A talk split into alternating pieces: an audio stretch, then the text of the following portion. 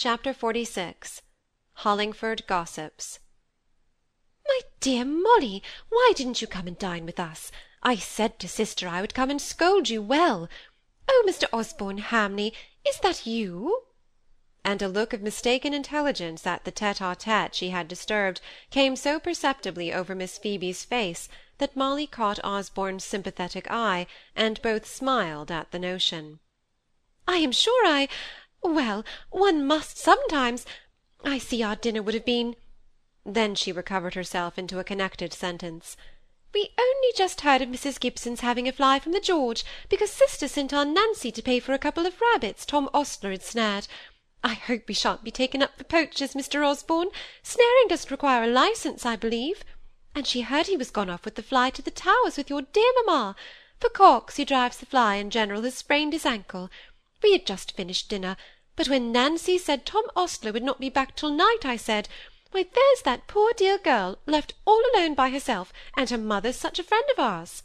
When she was alive, I mean. But I'm sure I'm glad I'm mistaken.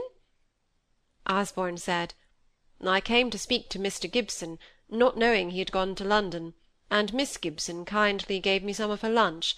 I must go now.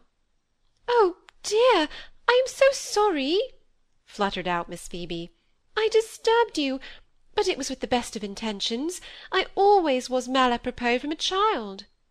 But Osborne was gone before she had finished her apologies. As he left, his eyes met Molly's with a strange look of yearning farewell that struck her at the time, and that she remembered strongly afterwards. Such a nice, suitable thing, and I came in the midst and spoilt it all. I'm sure you're very kind, my dear, considering Considering what, my dear Miss Phoebe? If you are conjecturing a love affair between Mr. Osborne Hamley and me, you never were more mistaken in your life. I think I told you so once before. Please do believe me. Oh, yes, I remember. And somehow sister got it into her head that it was Mr. Preston. I recollect.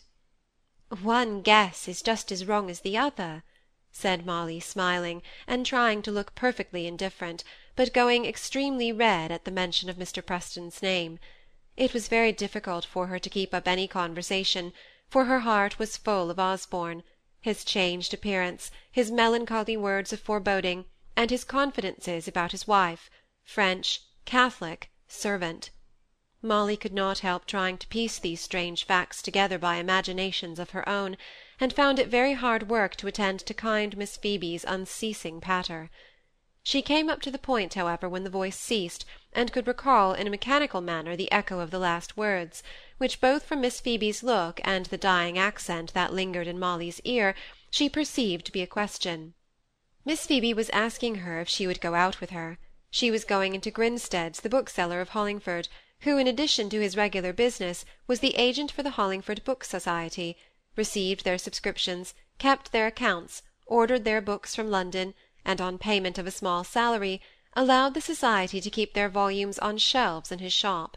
It was the centre of news, and the club, as it were, of the little town.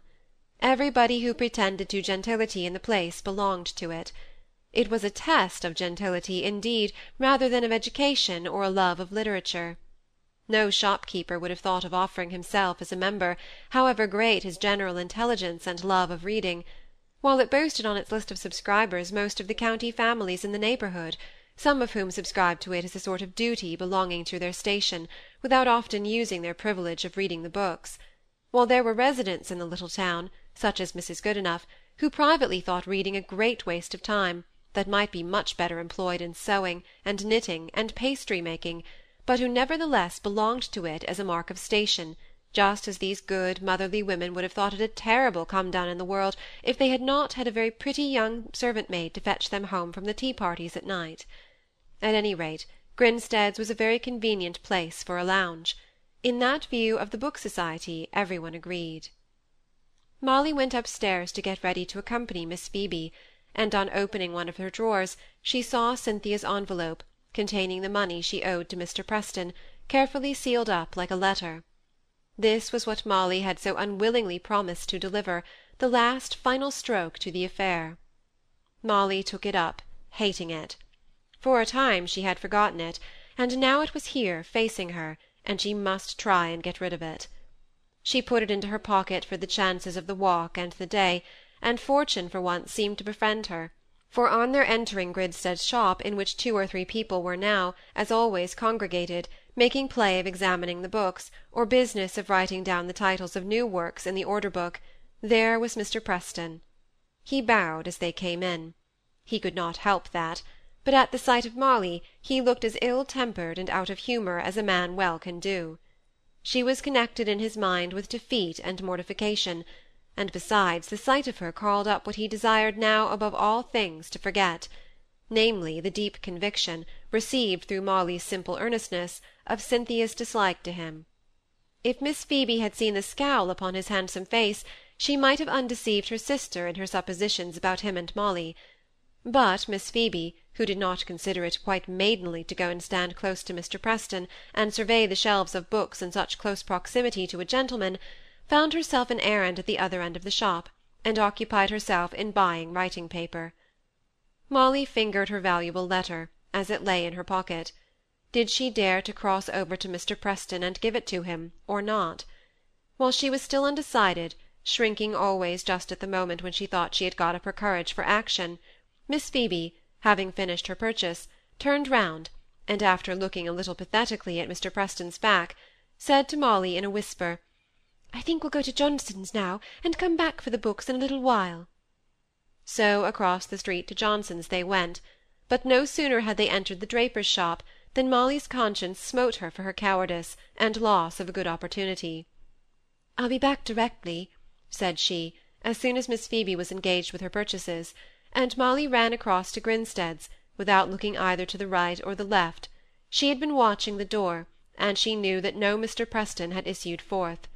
She ran in. He was at the counter now, talking to Grinstead himself. Molly put the letter into his hand to his surprise, and almost against his will, and turned round to go back to Miss Phoebe. At the door of the shop stood Mrs. Goodenough, arrested in the act of entering, staring with her round eyes, made still rounder and more owl-like by spectacles, to see Molly Gibson giving Mr. Preston a letter, which he, conscious of being watched, and favouring underhand practices habitually, put quickly into his pocket unopened. Perhaps if he had had time for reflection, he would not have scrupled to put Molly to open shame by rejecting what she so eagerly forced upon him. There was another long evening to be got through with Mrs. Gibson, but on this occasion there was the pleasant occupation of dinner, which took up at least an hour, for it was one of Mrs. Gibson's fancies, one which Molly chafed against, to have every ceremonial gone through in the same stately manner for two as for twenty. So, although Molly knew full well, and her stepmother knew full well, and Maria knew full well, that neither Mrs. Gibson nor Molly touched dessert, it was set on the table with as much form as if Cynthia had been at home, who delighted in almonds and raisins, or Mr. Gibson been there, who never could resist dates, though he always protested against persons in their station of life having a formal dessert set out before them every day and Mrs. Gibson herself apologized, as it were, to Molly to-day, in the same words she had often used to Mr. Gibson. "It's no extravagance, for we need not eat it, I never do, but it looks well, and makes Maria understand what is required in the daily life of every family of position."